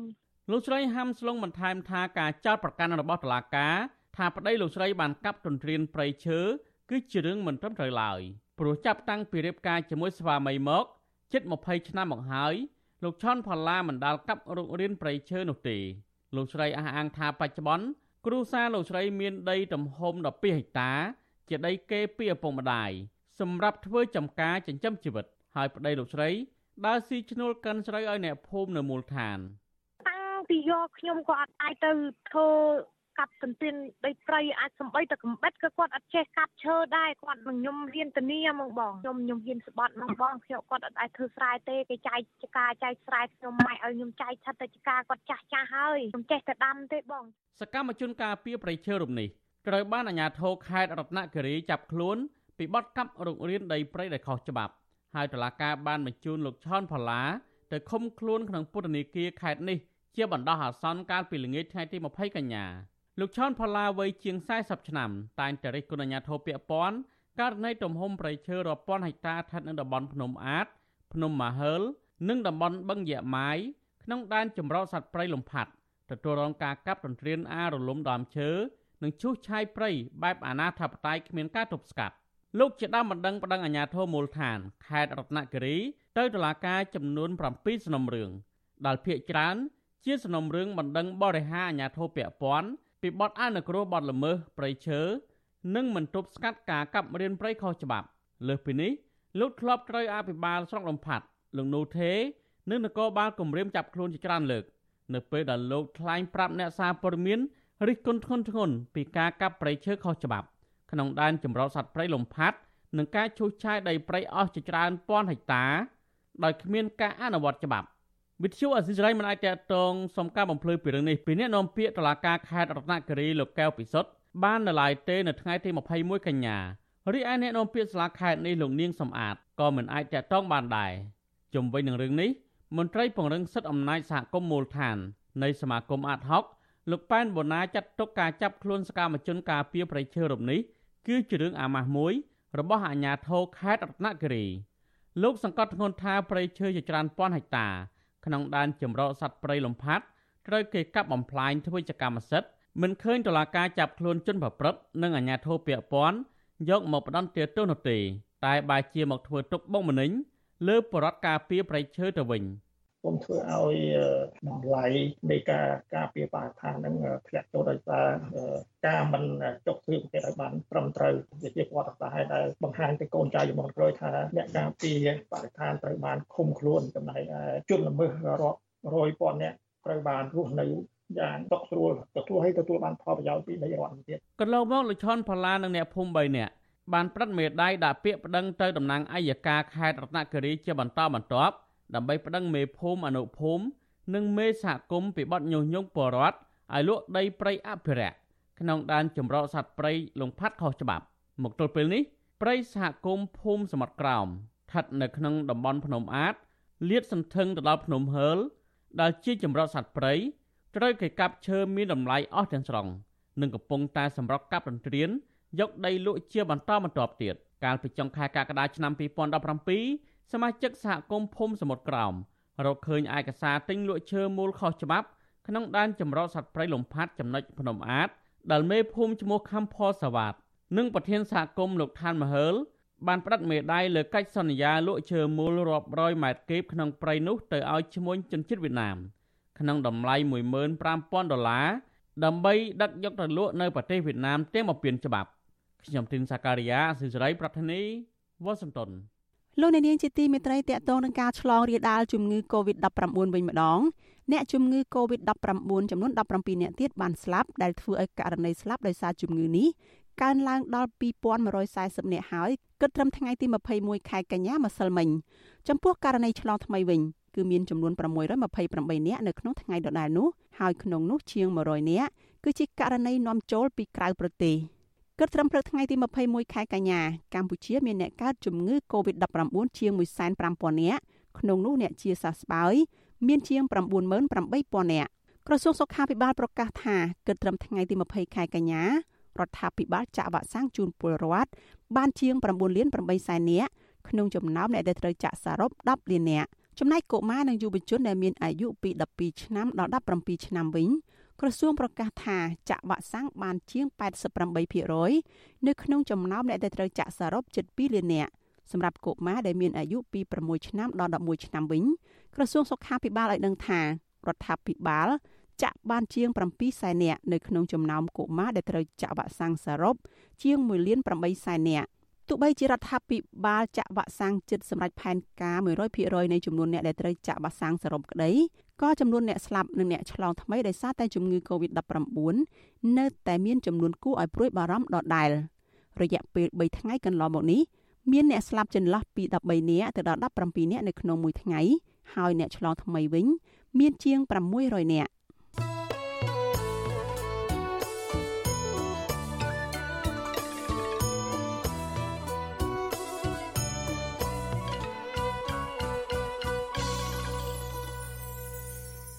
លោកអ្នកនាងកញ្ញាប្រិមិត្តអ្នកស្ដាប់ជាទីមេត្រីលោកសំរងស៊ីប្រធានស្ដីទីគណៈបកសង្គ្រោះជាតិរំលឹកថាលោកជាអ្នកគ្រប់គ្រងរឿងធ្វើច្បាប់ការពារនាយករដ្ឋមន្ត្រីក្រោយអស់ពីអំណាចក្នុងកិច្ចប្រជុំមួយរវាងក្រុមអ្នកដឹកនាំគណៈបកសង្គ្រោះជាតិនិងក្រុមមេដឹកនាំគណៈបកប្រជាជនកម្ពុជាកាលពី8ឆ្នាំមុនលើសពីនេះដើម្បីការផ្សះផ្សាជាតិនិងការរួមរស់សុខដុមជាមួយគ្នាក្នុងឈាមជ័រជាខ្មែរលោកសំរងស៊ីថាលោកសុកចិត្តយល់ព្រមឲ្យកូនលោកហ៊ុនសែន គ្រប់គ្រងកងទ័ពទៀតផងដើម្បីធានាថាលោកហ៊ុនសែនរស់ដោយគ្មានការភ័យខ្លាចក្រោយអស់អំណាចទៅចាលូទីនសការីយ៉ាមានសេចក្តីរាយការណ៍មួយទៀតអំពីរឿងនេះលោកសំរងស៊ីប្រធានស្ដីទីគណៈបកសង្គ្រោះជាតិអះអាងថាលោកហ៊ុនសែនខ្លាចគេធ្វើបាបក្រុមគ្រួសារក្រោយពេលលោកធ្លាក់ពីអំណាចទើបលោកចង់បានច្បាប់ការពារអតីតនាយករដ្ឋមន្ត្រីនិងក្រុមមេដឹកនាំមួយចំនួនទៀតលោកសំរងស៊ីថ្លែងនៅក្នុងនីតិវេទិកាអ្នកស្ដាប់អាស៊ីសេរីកាលពីយប់ថ្ងៃអង្គារទី21កញ្ញាថា គណៈបកសង្គ្រោះជាតិបន្ទន់អេរិយាប័តដើម្បីធ្វើយ៉ាងណាឲ្យប្រជាពលរដ្ឋមានសេចក្តីសុខពិតប្រាកដលោកប្រកាសថាគណៈបកសង្គ្រោះជាតិនឹងមិនសងសឹកទៅលោកហ៊ុនសែនដែលកំពុងតែធ្វើអាក្រក់ដាក់ប្រជារាស្ត្រនិងគណៈបកសង្គ្រោះជាតិសពថ្ងៃនេះឡើយលោកបន្ថែមថាលោកហ៊ុនសែនចង់ផ្ទេរអំណាចឲ្យកូនប្រុសរបស់ខ្លួននិងកាន់កងទ័ពដើម្បីធានាសវត្ថិភាពក្រុមគ្រួសាររបស់លោកក្រោយពេលធ្លាក់ពីអំណាចចឹងបើគាត់ចង់ឲ្យអ្នកដែលជំនួសគាត់គឺកូនគាត់ពពុះកូនគាត់មិនការពារឪ មិនឲ្យគេធ្វើបាបលោកហ៊ុនសែនទេនឹងជារឿងមួយទៀតដែលយើងត្រូវតែគិតព្រោះលោកហ៊ុនសែនចង់ឲ្យកូនគាត់មកជំនួសគាត់វាមានលក្ខខណ្ឌលក្ខខណ្ឌទី1គឺប្រជារាស្ត្រខ្មែរពីព្រោះប្រទេសកម្ពុជាមិនមែនជាកម្មសិទ្ធិលោកហ៊ុនសែនមិនមែនជាកម្មសិទ្ធិត្រកូលលោកហ៊ុនសែនទេមិនមែនផ្ទេរអំណាចពីឪទៅកូនដោយយើងផ្ទេរទ្រព្យសម្បត្តិផ្ទាល់ខ្លួនទេអញ្ចឹងតើតែប្រជារាស្ត្រខ្មែរយល់ព្រមតែប្រជារាស្ត្រខ្មែរមិនទាន់យល់ព្រមទេតើគណៈបកសង្គ្រោះជាតិ មិនបដិសេធអ្វីទាំងអស់ម្ដងទៀតឲ្យតែខ្មែរបានសុខហើយឲ្យតែលោកហ៊ុនសែនគាត់កក់ក្ដៅក្នុងចិត្តគាត់កុំឲ្យគាត់ភ័យខ្លាចយើងអាចមានរូបមន្តបែងចែកអំណាចការទទួលខុសត្រូវឲ្យលោកហ៊ុនម៉ាណែតកាន់កងទ័ពមានកងប្រដាប់កម្លាំងប្រដាប់អាវុធដើម្បីការពារលោកហ៊ុនសែនឲ្យលោកហ៊ុនសែនកក់ក្ដៅនោះក៏យើងមិនបដិសេធដែរការលើកឡើងរបស់លោកសំរងស៊ីនេះជាការឆ្លើយតបទៅលោកហ៊ុនសែនដែលបបួលលោកស្បត់កាលពីពេលថ្មីថ្មីនេះ លោកហ៊ុនសែនអះអាងថាលោកមិនបានស្នើឲ្យលោកសំរងស៊ីធ្វើច្បាប់ការពារអតីតនាយករដ្ឋមន្ត្រីប្រធានសភានិងប្រសិទ្ធភាពនោះទេលោកអះអាងថាលោកសំរងស៊ីទៅវិញទេដែលចង់ធ្វើច្បាប់ការពារអតីតនាយករដ្ឋមន្ត្រីនោះរហូតដល់មូលបកាយខ្ញុំតាខ្ញុំទៅប្រមូលគេឲ្យធ្វើច្បាប់លើកលែងទោសបើឯងហ៊ានស្បត់ណាហើយស្បត់ឲ្យងាប់តពូជបើអញធ្លាប់បានព្រឹកហើយហ៊ានស្បត់ឬអត់អញប្រកាសចេញពីនឹងទៅរបបថាហ៊ុនសែនត្រូវការ ឲ្យមានច្បាប់លើកលែងទោសសម្រាប់មនុស្ស3នាក់ប្រធានប្រតិភិប្រធានរដ្ឋសភានិងនាយករដ្ឋមន្ត្រីឥឡូវអ្នកឯងចង់សាកចង់សាកហ៊ុនសែនចង់បានច្បាប់មែនឥឡូវហ៊ុនសែនមិនមែនចង់បានត្រឹមច្បាប់ទេបើថាបានជាជ្រុលអញ្ចឹងហើយឥឡូវត្រៀមធ្វើបញ្ចូលក្នុងរដ្ឋធម្មនុញ្ញមកហើយឆ្លើយមែនហើយហ៊ានស្បត់ឲ្យងាប់ទាំងឪម៉ាក់ទៅងាប់ទាំងកូនទាំងម៉ែទាំងប្រពន្ធឯងទាំងខ្លួនឯងងាប់ទាំងកូនឯងងាប់ទាំងចៅឯងថាអញប្របួលបើអញចង់ មិនត្រឹមធ្វើច្បាប់ទេបញ្ចូលក្នុងរដ្ឋធម្មនុញ្ញមកហើយគ្មានថ្ងៃកែបានទេឆ្លើយតបនឹងការលើកឡើងនេះលោកសំរងស៊ីស្នើលោកហ៊ុនសែនត្រូវមានការទទួលខុសត្រូវឲ្យស័កសមជាមេដឹកនាំរដ្ឋលោកលើកឡើងថាការបបួលគ្នាស្បត់មិនមែនជាជំរើសល្អនោះទេសំខាន់គឺការពិតនិងមានការទទួលខុសត្រូវលោកសំរងស៊ីបញ្ជាក់ថាលោកជាអ្នកគ្រប់គ្រងឲ្យធ្វើច្បាប់ការពារអតីតនាយករដ្ឋមន្ត្រី នៅក្នុងជំនួបរវាងថ្នាក់ដឹកនាំគណៈបកសង្គ្រោះជាតិនិងថ្នាក់ដឹកនាំគណៈបកប្រជាជនកម្ពុជា កាលពីថ្ងៃទី16កញ្ញាឆ្នាំ2013លោកបានរំលឹកថានៅក្នុងជំនួបនោះលោកបានដឹងពីអ្វីដែលលោកហ៊ុនសែនចង់បាន គឺច្បាប់ការពារអតីតនាយករដ្ឋមន្ត្រីលោកសំរងស៊ីអះអាងថាលោកមានសាកសីច្បាស់លាស់នៅក្នុងកិច្ចប្រជុំនោះរួមមានលោកអេងឆៃអៀងនិងថ្នាក់ដឹកនាំមួយចំនួនទៀតមនុស្សដែលធ្វើអាក្រក់គឺតែតែភ័យពីព្រោះខ្លាចអ្នកដែលគាត់បានធ្វើបាប មកសងសឹកគាត់អញ្ចឹងខ្ញុំចង់រកដំណោះស្រាយខ្ញុំថាអូយខ្មែរយើងអើយយើងវេទនាប៉ុណ្្នឹងហើយកុំទៅចង់កម្មចង់ពីគេធ្វើបាបយើងយើងទៅធ្វើបាបគេវិញកុំយើងបើកផ្លូវឲ្យគេទៅឲ្យគេរួចខ្លួនឲ្យគេបានសុខទៅធ្វើម៉េចសូមឲ្យតែខ្មែរទៅបានសុខទាំងអស់គ្នានឹងហើយបំណងរបស់ខ្ញុំដល់ខ្ញុំឮសូហ៊ុនសែនរឿងអីវប្បធម៌ត្រីស៊ីសបោកសបោកស៊ីត្រីអីហ្នឹង បាទខ្ញុំថាពេលហ្នឹងល្អចូលទៅនិយាយរឿងហ្នឹងទៅហើយត្រូវមែនលោកហ៊ុនសែនចូលតាមផ្លូវហ្នឹងមែនលោកអេងឆៃអៀងដែលបច្ចុប្បន្នជាអនុប្រធានគណៈបកសង្គ្រោះជាតិបានរំលឹកអំពីហេតុការណ៍នៅក្នុងកិច្ចប្រជុំកាលពី8ឆ្នាំមុនថាលោកហ៊ុនសែនស្នើកុំឲ្យមានការសងសឹកគ្នាពេលមេដឹកនាំប្រទេសធ្លាក់ពីអំណាច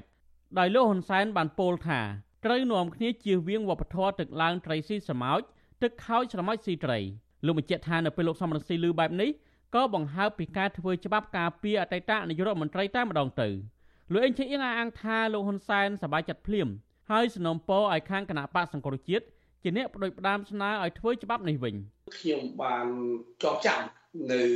ប្រសាសន៍របស់លោកហ៊ុនសែនពេលនោះខ្លួនខ្ញុំទៅខ្ញុំមានសេចក្តីរំភើបដែរពីប្រសាសន៍ចាប់ដើមដំបូងរបស់គាត់គឺគាត់ក៏ដាក់គួនគុយភ្លាម ក្រោយពីការគួសមហើយគឺគាត់ចាប់ផ្ដើមពាក្យថាប្រទេសកម្ពុជាជាប្រទេសរបស់យើងអស់គ្នាព្រោះពាក្យនេះខ្ញុំកម្រឮគាត់មានប្រសាសន៍ណាស់ប៉ុន្តែថ្ងៃនេះគឺគាត់លើច្បាស់ថាប្រទេសកម្ពុជាជាប្រទេសរបស់យើងទាំងអស់គ្នាអត់មានជាកម្មសិទ្ធិរបស់នរណាម្នាក់ទេអញ្ចឹងចំណុចនេះគឺជាចំណុចសំខាន់ទី1ហើយចំណុចសំខាន់ទី2គាត់ថាយើងចាស់ចាស់ហើយនេះយើងត្រូវតែរៀបចំប្រទេសកម្ពុជាសម្រាប់មនុស្សជំនាន់ក្រោយនេះគឺជាចំណុច ពាក្យកលឹះទី2ដែលគាត់និយាយហើយពាក្យកលឹះទី3ដែលគាត់ជាប្រសាសន៍នឹងគឺគាត់បាននិយាយថាយើងត្រូវតែបញ្ចប់នយោបាយទឹកឡើងត្រីស៊ីសមុទ្រទឹកហៅសមុទ្រស៊ីត្រីនេះគឺជាចំណុចដែលឈានទៅដល់ពិភាក្សាគ្នាអំពីបកលើកលែងលើកលែងទោសដល់អតីតនាយករដ្ឋមន្ត្រីចំណុចនេះឯងពេលនោះឯងដែលចាប់ដើមនៃកិត្តនិយាយដល់ប្រសាសន៍អាទឹកឡើងត្រីស៊ីសមុទ្រទឹកហៅសមុទ្រស៊ីត្រីទាំងឯង បានខាងភាគីគណៈបកសុជាតិគឺមានលោកប្រធានសំស៊ីគាត់ថាអញ្ចឹងបើដើម្បីបញ្ចប់រឿងយើងត្រូវតែមានច្បាប់មួយ ដើម្បីការពារអតីតមេដឹកនាំពេលដែលចាក់ចេញពីអំណាចពេលនោះដែលលោកហ៊ុនសែនក៏គាត់ឆ្លើយតបវិញគាត់ថាបើមានច្បាប់បែបហ្នឹងគឺមិនត្រូវតែធ្វើសម្រាប់តែនាយករដ្ឋមន្ត្រីទេត្រូវធ្វើសម្រាប់យ៉ាងហោចណាស់ក៏មនុស្ស3នាក់ដែរ គឺអតីតប្រធានព្រឹទ្ធសភាអតីតប្រធានរដ្ឋសភានិងនាយករដ្ឋមន្ត្រីនឹងគឺជាគំនិតដែលលោកហ៊ុនសែនបានជែកគ្នាដែលបាននិយាយគ្នាហើយពេលនោះខ្ញុំចាំទៀតលោកហ៊ុនសែនក៏បានបញ្ជាក់ទៀតគាត់ថាបបបែបហ្នឹងគឺខាងគាត់ប្របាក់ស្នើណាបើកាលណាគាត់ស្នើទៅ វាធ្វើឲ្យហាក់បីដូចដើម្បីការពារខ្លួនឯងពេលនោះលោកសំស៊ីក៏ដូចលោកកឹមសុខាក៏ឆ្លើយព្រមគ្នាភ្លាមដើម្បីកុំឲ្យលោកហ៊ុនសែនទើសទាល់នឹង គាត់ថាមិនអីទេឲ្យតែយើងឯកភាពគំនិតបែបហ្នឹងគឺខាងខ្ញុំខាងគណៈបកខ្ញុំអ្នកស្នើក៏បានដែរទោះបីជាយ៉ាងណាក៏ដោយអ្នកខ្លាំមើលផ្នែកអភិវឌ្ឍសង្គមបណ្ឌិតសេនស៊ូរីដែលធ្លាប់រងការតាមចាប់ខ្លួនពីរបបលហ៊ុនសែនកាលពីពេលថ្មីៗនេះផងនោះលោកមានប្រសាសន៍ថាអ្នកនយោបាយខ្មែរល្មមដល់ពេលត្រូវបញ្ចប់ចំនួននយោបាយហើយលោកបញ្ជាក់ថាជារឿងល្អមួយបើសិនជាកម្ពុជាមានច្បាប់ការពារអតីតនាយករដ្ឋមន្ត្រីហើយមេដឹកនាំខ្មែរបញ្ចប់នៅវប្បធម៌សងសឹកគ្នា ដើម្បីឲ្យប្រជាពលរដ្ឋស្គាល់រសជាតិសន្តិភាពពិតប្រាកដខ្ញុំគិតថាការបង្កើតច្បាប់ការពារអតីតនាយករដ្ឋមន្ត្រីប្រធានសភាប្រតិភិនេះវាជាវាជាឧបករណ៍មួយដែលអាចធានាទៅលើការចរចានយោបាយធានាទៅលើគេហៅថាសន្តិភាពផ្លូវចិត្តរបស់អ្នកនយោបាយដែលដឹកនាំយូរអង្វែងរីឯមេដឹកនាំគណៈបកប្រឆាំងវិញក៏ហាក់បន្ទន់អេរិយាបថច្រើនដែរលោកសំរងស៊ីប្រកាសថាលោកធានាថាគណៈបកសង្គ្រោះជាតិ នឹងមិនសងសឹកវិញជាដាច់ខាតទោះបីជាលោកហ៊ុនសែនបានធ្វើទុកបុកម្នេញគណៈបកសង្គ្រោះជាតិដោយសពថ្ងៃនេះក្តីឲ្យតែលោកហ៊ុនសែនចោះចេញពីអំណាចដោយសន្តិវិធីខ្ញុំទីនសាការីយ៉ាអសិរ័យប្រធានីវ៉ាស៊ីនតោន thank you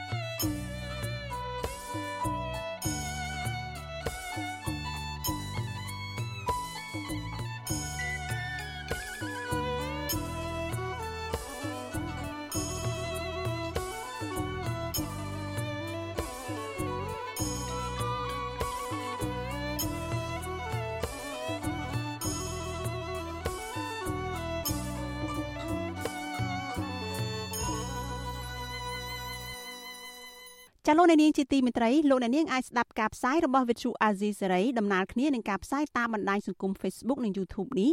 តាមរយៈវិទ្យុរលកធាតុអាកាសខ្លី SW ឬ Shortwave តាមកម្រិតនិងកម្ពស់ដូចតទៅនេះ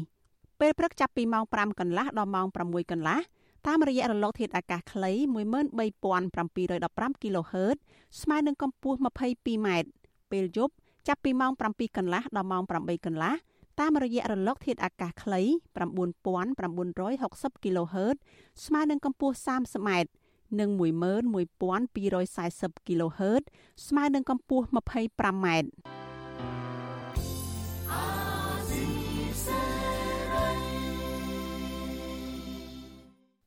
លោកនាងប្រិមិត្តជាទីមេត្រីចារឿងដាច់ដោយឡែកមួយទៀតបុគ្គលិកកាស៊ីណូ Nagavel ដែលត្រូវថៃកែបញ្ឈប់ពីការងារ កំពុងប្រឈមនឹងបញ្ហាជីវភាពធ្ងន់ធ្ងរដោយអ្នកខ្លះគ្មានលុយបង់ថ្លៃបន្ទប់ស្នាក់នៅនិងខ្លះទៀតត្រូវបង្ខំចិត្តលក់ម៉ូតូចាយសិនក្នុងគ្រាដែលគ្មានការងារបែបនេះមន្ត្រីសហជីពប្រចាំក្រុមហ៊ុនស្នើទៅភាគីពាក់ព័ន្ធឲ្យផ្ដល់យុត្តិធម៌ដល់បុគ្គលិកដែលត្រូវបញ្ឈប់និងត្រូវទទួលយកបុគ្គលិកទាំងនោះឲ្យចូលធ្វើការវិញចាអ្នកស្រីខែសុណងមានសេចក្តីរាយការណ៍ដាច់ដライមួយទៀតអំពីរឿងនេះ។ លក់ម៉ូតូចាយសិនគឺជាស្ថានភាពពិតកើតឡើងនៅក្នុងគ្រួសាររបស់លោកស្រីសូលីដាដែលត្រូវធ្វើការក្រុមហ៊ុន Nagaworld បញ្ឈប់ពីការងារលោកស្រីសូលីដាដែលបាត់បង់ការងារទាំងប្តីនិងប្រពន្ធរយៈពេល5ខែមកនេះត្រូវបង្ខំចិត្តលក់ម៉ូតូដោះស្រាយការចំណាយប្រចាំថ្ងៃ និងត្រៀមលុយសម្រាលកូន។ ញ៉ាំបាយញ៉ាំអីជាមួយម៉ាក់ជាមួយអីចឹងទៅហើយតិចយកតិចតួចហ្នឹងគឺខ្ចីគេខ្ចីអីតិចតួចហ្នឹងទៅបងហើយនឹងលក់ម៉ូតូដែរនិយាយអស់ទៅគឺលក់ម៉ូតូមួយដែរសម្រាប់ប្រហែលខែ5ខែនេះគឺកំពុងតែមានទម្ងន់ជើងផងគិតច្រើនណាស់បាត់បង់ទាំងពីរអ្នកចំណូលហ្មងហើយនឹងត្រូវត្រូវការលុយទិញសម្ភារៈទុកពេលកើតកូនហើយនឹងនឹងដល់ពេលកើតកូនហ្នឹងមិនដឹងថាមិនមកទៀតពីណាជួយពីណាអីទៀតអូយមិនដែរជួបប្រទេសអញ្ចឹងឯងគឺ4 10បុកក្នុងពេលតែមួយស្ត្រីរូបនេះរំលឹកថាលោកស្រីនិងប្តីប្រឹងប្រែងធ្វើការងារនិងគ្រប់ពេលវេលាប៉ុន្តែបែរជាត្រូវក្រុមហ៊ុនបញ្ឈប់ពីការងារទៅវិញលោកស្រីសង្ស័យថាការបញ្ឈប់លោកស្រីនិងប្តីរួមទាំងបុគ្គលិកផ្សេងទៀតអាចមកពីថកែកាស៊ីណូ Naga ចង់កាត់ផ្តាច់មិនឲ្យមានសហជីពនៅក្នុងក្រុមហ៊ុននេះលោកស្រីសង្កេតឃើញថាបុគ្គលិកដែលត្រូវបញ្ឈប់ពីការងារនេះភាគច្រើនជាមេដឹកនាំសមាជិកសហជីពនិងជាអ្នកទំនាក់ទំនងជាមួយសហជីពការពារសិទ្ធិកម្មករ។ ចាការកាត់បុគ្គលិកហ្នឹងមើលតាមពួកខ្ញុំសង្កេតមើលទៅគឺជាការគួនរើសរអើងសហជីពនឹងហើយពួកហ្នឹងទៅតែចំសមាជិកសហជីពនឹងទាំងអស់ទាំងហ្មង90%ជាងគឺចំទាំងអស់ហ្មងតែតនាំមតិគ្នាអីឡើងតវ៉ាសួរតិចតួចហ្នឹងគឺឲ្យទាំងអ្នកទាំងអស់ហ្នឹងគឺធ្វើការល្អបំផុតមិនដែរចេះច្បាប់កលិចកលុតអាប់ស្តង់ប្រទេសប្រដាឲ្យទេប៉ុន្តែគឺគាត់កាត់អ្នកអស់ហ្នឹងហ្មងបុគ្គលិក Nagavel ដែលត្រូវធ្វើការបញ្ឈប់ពីការងារម្នាក់ទៀតកញ្ញាស្រីនេះត្អូញត្អែថា កញ្ញាជំពាក់ថ្លៃផ្ទះជួល2ខែមកហើយព្រោះគ្មានលទ្ធភាពរកប្រាក់នៅពេលដែលបាត់បង់ការងារកញ្ញាបន្តថាថកែ Nagavel បញ្ឈប់បុគ្គលិកនៅក្នុងពេលវិបត្តិជំងឺ Covid-19 បែបនេះធ្វើឲ្យកញ្ញាមិនអាចទៅស្វែងរកការងារថ្មីធ្វើបាននោះទេកញ្ញាស្រីនេះនៅតែអះអាងថាកញ្ញានៅតែបន្តទាមទារឲ្យថកែយល់ព្រមទទួលយកកញ្ញានិងបុគ្គលិកផ្សេងទៀតចូលធ្វើការងារវិញ។ ដូចថាយើងរកអីអត់បានហើយដល់ពេលអញ្ចឹងចំតែពេលគេកាត់បុគ្គលិកកាត់អីទៀតអញ្ចឹងគឺដាច់តែម្ដងរកអីអត់បានណាអឺឪពុកខ្ញុំក៏ចាស់ក៏ចាស់ដែរបងនិយាយទៅគឺខ្ញុំខ្ញុំនឹងជាចំហមួយសម្រាប់ចិញ្ចឹមគ្រួសារចិញ្ចឹមឪពុកចិញ្ចឹមប្អូនប្អូនអញ្ចឹងទៅ ស្រដៀងគ្នានេះដែរលោកស្រីស្រីតៃប្រាប់វិទ្យុអាស៊ីស្រីថាក្រោយបាត់បង់ការងារលោកស្រីស្ទើរគ្មានប្រាក់ទិញទឹកដោះគោឲ្យកូន លោកស្រីបន្តថាពេលនេះការរកប្រាក់ផ្គត់ផ្គង់គ្រួសារគឺត្រូវពឹងលើប្តីទាំងស្រុងប៉ុន្តែពេលនេះប្តីលោកស្រីមិនបានធ្វើការពេញពេលនោះទេស្ត្រីកូនខ្ចីរូបនេះប្រាប់ថាចាប់តាំងពីថកែផ្ដាច់កងត្រាការងារលោកស្រីគ្មានប្រាក់បង់ថ្លៃរំលោះផ្ទះនោះទេលោកស្រីស្នើទៅក្រុមហ៊ុន Nagavel គួរសម្របសម្រួលអនុញ្ញាតឲ្យបុគ្គលិកទាំងអស់អាចចូលធ្វើការវិញព្រោះលោកស្រីសង្កេតឃើញថាក្រុមហ៊ុនកំពុងពង្រីកសាខាថ្មីទៀត យើងវារៀងខ្វះខាតអញ្ចឹងវាមិនសូវអាដូចបបោដូចការដែលយើងនៅបានការងារធ្វើបានប្រាក់ខែអញ្ចឹងបងផ្សាយដោះគោបងចាព្រោះគាត់អត់បើកដោះហងព្រោះគាត់ដូចមិនទេគាត់អត់ចេះបើកដោះម្ដងបងឲ្យបើកដែរតែគាត់អត់បើកហើយអញ្ចឹងយើងត្រូវដាក់ដោះគោឲ្យគាត់កាលពីខែមេសាឆ្នាំ2021ក្នុងពេលផ្ទុះជំងឺ Covid-19 ក្រុមហ៊ុន Nagavel បានបញ្ឈប់បុគ្គលិកជាង1000នាក់ដែលអ្នកទាំងនោះរួមមានស្ត្រីមានផ្ទៃពោះស្ត្រីទើបសម្រាលកូនអ្នកខ្លះទៀតក៏ត្រូវក្រុមហ៊ុនបញ្ឈប់ទាំងប្តីនិងប្រពន្ធរួមទាំងថ្នាក់ដឹកនាំសហជីពផងដែរក្រុមហ៊ុន Nagavel លើកហេតុផលថាវិបត្តិជំងឺ Covid-19 ធ្វើឲ្យប៉ះពាល់ដល់ចំណូលរបស់ក្រុមហ៊ុន ទោះយ៉ាងណាក្រមមន្ត្រីសហជីពនិងបុគ្គលិក Nagavel លើកឡើងថានេះជាចេតនារើសអើងបុគ្គលិកដែលមានទំនាក់ទំនងជាមួយក្រុមសហជីពនិងជាផែនការលុបបំបាត់សហជីពនៅកន្លែងការងារមួយនេះប្រធានសហជីពត្រួតត្រងសិទ្ធិការងារបុគ្គលិកកម្មករខ្មែរនៃក្រុមហ៊ុន Casino NagaWorld កញ្ញាឈឹមស៊ីធប្រាប់ថាក្នុងចំណោមបុគ្គលិកចំនួន1329នាក់ដែលត្រូវបញ្ឈប់ក្នុងនោះជាង1160នាក់ជាថ្នាក់ដឹកនាំ និងជាសមាជិកសហជីពដែលក្នុងនោះរួមមានកញ្ញាផងដែរកញ្ញាស៊ីថឲ្យដឹងទៀតថាពេលនេះនៅសល់បុគ្គលិកជាង300នាក់ទៀតប៉ុណ្ណោះដែលបន្តទៀមទាស្នើសុំចូលធ្វើការងារវិញក្រៅពីនេះបានយល់ព្រមទទួលយកប្រាក់សំណង ប្រធានសហជីពរូបនេះប្រាប់ទៀតថាកាលពីថ្ងៃទី10ខែកញ្ញាកន្លងទៅក្រុមប្រឹក្សាអាជ្ញាកណ្ដាលបានសម្រេចបដិសេធមិនពិចារណា ការទៀមទារបស់បុគ្គលិក Nagavel ពីចំណុចក្នុងចំណោម4ចំណុចនៃការទៀមទារបស់កម្មករនិយោជិត ពីចំណុចដែលអាជ្ញាកណ្ដាលបដិសេធមិនពិចារណាការទីមទារបស់កម្មករយោជិកហ្នឹងគឺការទីមទាឲ្យក្រុមហ៊ុនទទួលយកបុគ្គលិក376នាក់ដែលដែលមិនព្រមយកសំណងដែលក្រុមហ៊ុនទូទាត់ឲ្យនៅក្នុងគម្រោងកាត់បុគ្គលិកហ្នឹងហើយដែលឡែកអ្នកដែលព្រមទទួលយកសំណងកន្លងមកគឺយើងយើងទីមទាឲ្យក្រុមហ៊ុនទូទាត់ប្រាក់សំណងឲ្យគាត់ឲ្យត្រឹមត្រូវតាមច្បាប់ដោយសារយើងរកឃើញក្រុមហ៊ុនមិនបានទូទាត់ឲ្យពួកគាត់តាមផ្លូវច្បាប់ទេ សេចក្តីសម្រេចនឹងបង្គាប់របស់ក្រុមប្រឹក្សាអាជ្ញាកណ្ដាលដែលវិទ្យុអាស៊ីសេរីទទួលបានចំណុចវិវាទទី1និងទី2ដែលសម្រេចបដិសេធគឺបដិសេធពិចារណាការទៀមទារបស់ភាគីកម្មករនយោជិតឲ្យនយោជកបញ្ឈប់គម្រោងកាត់បន្ថយកម្មករនយោជិតដែលកំពុងអនុវត្តនីតិវិធីបញ្ឈប់ពីការងារដោយចំណុចទី3ក្រុមប្រឹក្សាអាជ្ញាកណ្ដាលបង្គាប់ឲ្យនយោជកឬថកែអនុវត្តរបៀបកណនាប្រាក់បំណាច់អតីតភាពការងារសោហុយជំងឺចិត្ត ប្រាក់រំលឹកអតីតភាពការងារមុនឆ្នាំ2019ប្រាក់បំណាច់ជួសការឈប់សម្រាកប្រចាំឆ្នាំ និងប្រាក់បំណាច់ទូទាត់ជួសការជូនដំណឹងមុនជូនបុគ្គលិកកម្មករនយោជិតឲ្យបានត្រឹមត្រូវតាមច្បាប់និងពេលបញ្ចប់កិច្ចសន្យាការងារនៅចុងឆ្នាំ2020និងឆ្នាំ2021ចំណុចទី4ក្រុមប្រឹក្សាអាជ្ញាកណ្ដាលបង្គាប់ឲ្យនយោជកបន្តបើកប្រាក់បំណាច់អតីតភាពការងារឆ្នាំ2020និងឆ្នាំ2021 ជូនកម្មករនៅក្នុងឆ្នាំ2021នេះបន្តទៀតបដិសេធការទៀមទារបស់ភាគីកម្មករនយោជិតឲ្យនយោជកផ្ដល់ប្រាក់រំលឹកអតីតភាពការងារមុនឆ្នាំ2019ជូនកម្មករនយោជិតបង្គាប់ឲ្យនយោជកកណនាប្រាក់បំណាច់អតីតភាពការងារឆ្នាំ2020និងឆ្នាំ2021ឲ្យបានត្រឹមត្រូវតាមច្បាប់ជូនទៅកម្មករនយោជិត បដិសេធការទៀមទារបស់ភាគីកម្មករនយោជិតឲ្យនយោជកកណនាប្រាក់រំលឹកអតីតភាពការងារមុនឆ្នាំ2019ឲ្យបានត្រឹមត្រូវតាមច្បាប់ជូនកម្មករនយោជិតទោះយ៉ាងណាកញ្ញាឈឹមស៊ីធប្រាប់ថាចំណុចវិវាទទី1និងទី2ដែលក្រុមប្រឹក្សាអាជ្ញាកណ្ដាលសម្រាប់បដិសេធក្រុមកម្មការបានប្តឹងទាស់ទៅស្ថាប័នក្រុមប្រឹក្សាអាជ្ញាកណ្ដាលព្រោះការបដិសេធមិនផ្ដល់យុត្តិធម៌ដល់ភាគីបុគ្គលិកនយោជិតក្រៅពីនេះ ក្រុមសហជីពនិងបុគ្គលិក Nagavel ក៏បានដាក់លិខិតទៅរដ្ឋមន្ត្រីក្រសួងកាងារលោកអ៊ិតសំហេង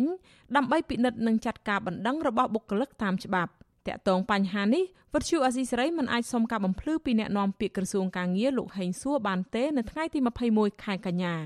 កញ្ញាស៊ីធប្រាប់ថាប្រសិនបើក្រុមប្រឹក្សាអាជ្ញាកណ្ដាលនិងស្ថាប័នពាក់ព័ន្ធមិនផ្ដល់យុត្តិធម៌ដល់កម្មករនយោជិតក្រុមបុគ្គលិកដែលក្រុមហ៊ុនបញ្ឈប់និងតំណាងសហជីព ក្រុងជួបប្រជុំគ្នា ដើម្បីសម្រេចនឹងធ្វើកោតកម្មឬត្រូវប្តឹងករណីនេះទៅតុលាការដើម្បីរកយុត្តិធម៌ចា៎នាងខ្ញុំខែសុណងវັດឈូអាស៊ីសេរីរាយការណ៍ពីរដ្ឋធានី Washington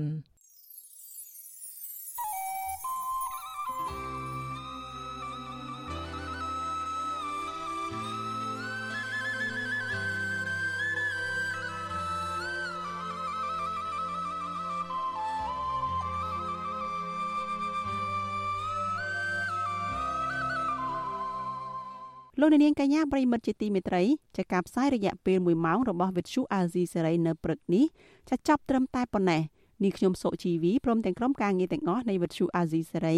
សូមជូនពរដល់លោកនាងកញ្ញានិងក្រុមគ្រួសារទាំងអស់ឲ្យជួបប្រកបតែនឹងសេចក្តីសុខចម្រើនរុងរឿងកំបីគ្លៀងគ្លាតឡើយ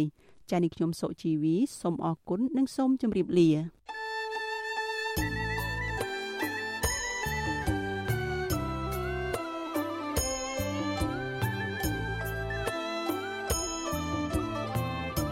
វិទ្យុអាស៊ីសេរីផ្សាយតាមរលក ធាតុអាកាសខ្លីឬ short wave តាមកម្រិតនិងកម្ពស់ដូចតទៅនេះពេលព្រឹកចាប់ពីម៉ោង5កន្លះដល់ម៉ោង6កន្លះតាមរយៈរលក ធាតុអាកាសខ្លី13715 kHz ស្មើនឹងកម្ពស់ 22m ពេលយប់ចាប់ពីម៉ោង7កន្លះដល់ម៉ោង8កន្លះតាមរយៈរលក ធាតុអាកាសខ្លី9960 kHz ស្មើនឹងកម្ពស់ 30m និង11240 kHz ស្មើនឹងកម្ពស់ 25m លោកអ្នកនាងក៏អាចស្ដាប់ការផ្សាយផ្ទាល់តាមប្រព័ន្ធអ៊ីនធឺណិតដោយចូលទៅកាន់គេហទំព័រ www.rfa.org/ ខ្មែរក្រៅពីនេះលោកអ្នកនាងក៏អាចអាននិងទស្សនាព័ត៌មានវិទ្យុអាស៊ីសេរីលើទូរស័ព្ទដៃរបស់លោកអ្នកផ្ទាល់ សូមលោកអ្នកនាងចូលទៅកាន់បណ្ដាញសង្គម Facebook ដែលមានអាសយដ្ឋាន www.facebook.com/rfa.cambodia និង YouTube www.youtube.com/rfa ខ្មែរ video សូមលោកអ្នកនាងចុច like និងចុច Subscribe ដើម្បីទទួលបានព័ត៌មានថ្មីៗទាន់ហេតុការណ៍និងទស្សនាវីដេអូផ្សេងៗទៀតបានគ្រប់ពេលវេលា។